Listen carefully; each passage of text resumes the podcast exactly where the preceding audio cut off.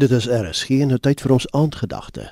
Die aandgedagte vanaand word aangebied deur Dominee Janie Pelser, emeritus leraar van die NG Kerk en organiseerder van Toekomsvenster. Goeienaand. Ons staan steeds aan die begin van 'n splinternuwe jaar en ek is seker dat jy nagedink het oor waaraan jy besondere aandag sou wou skenk in die dae en in die weke en in die maande wat kom. Uiteraard is dit gepas vir ons as gelowiges om ons hulp in die Bybel te gaan soek en te sien wat die Bybel vir ons leer.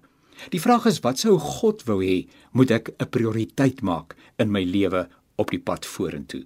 Nou ons gaan in die volgende paar dae wat ons saam kuier 'n paar Bybeltekste aan jou voorhou wat jou in hierdie verband kan help. En my gebed is dat soos wat jy saam luister en saam dink, jy in en deur die werk van die Heilige Gees wat binne in jou woon, bewus sal word van die saak wat hy, die Here, op jou hart druk. En ek wil jou vandag nooi om te luister na die mooi vers in Judas 1 vers 2. Dan wil ek 'n bepaalde begrip wat daarin gebruik word, wil ek onderstreep. Nou kom ek lees eers die teks, Judas 1 vers 2.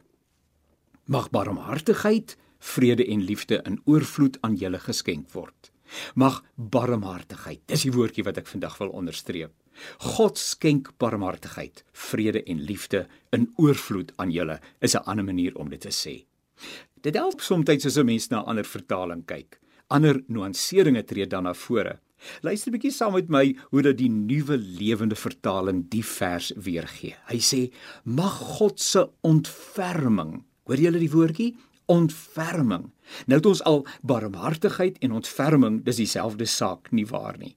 Ek wonder of jy die boodskap vertaling ken. Mensdom, dis 'n wonderlike vertaling. Ek hoor net hoe treffend hy hierdie versie verduidelik.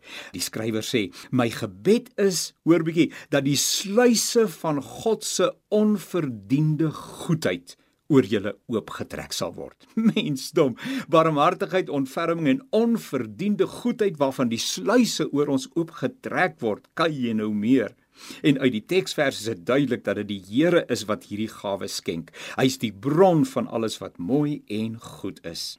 So die skrywer praat van barmhartigheid, van ontferming, van onverdiende goedheid. Dit is God se gesindheid teenoor ons waarvan hier gepraat word. Wie ene, God het 'n sagte hart wanneer dit by ons kom. Kan ek maar weer sê, God het 'n sagte hart wanneer dit by ons kom. Ons leef in 'n wêreld waar mense soms so onverdraagsaam, onvergewensgesind en selfs haatdraand teenoor mekaar kan optree. Ai, selfs Christene maak hulle daaraan skuldig. Dis aan baie hartseer. As daar nou iemand is wat rede het om kwaad te wees, selfs haatdraand en kortgebonde, dan is dit mos nou die Here, want ons stel hom so dikwels te leer en ons verdien van sy goedheid absoluut niks nie, maar desondanks is sy ingesteldheid teenoor ons, die van iemand met 'n sagte hart. God het 'n sagte hart wanneer dit by ons kom. En my gebed en my wens hier in die begin van 'n nuwe jaar is dat jy die ontferming, die barmhartigheid, die goedheid van die Here sal belewe en dat jy sal weet dat hy met deernis na jou kyk dat hy nie veroordeel teenoor jou staan nie, selfs al is jy nou nie op 'n goeie plek in jou lewe en selfs in jou verhouding met hom nie.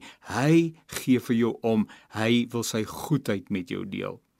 God se oorvloedige tot oorlopends toe vol, ryk barmhartigheid, ontferming en onverdiende goedheid is joune in Christus Jesus ons Here.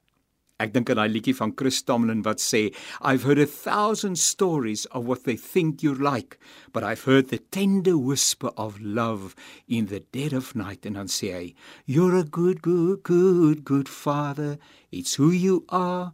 It's who you are. It's who you are and I'm loved by you. It's who I am. It's who I am. It's who I am You're a good good father. Ek dink jy gaan lekker slaap vanaand. Die aandgedagte is aangebied deur Dominee Janie Pelser, emeritus leraar van die NG Kerk en organiseerder van Toekomsvenster.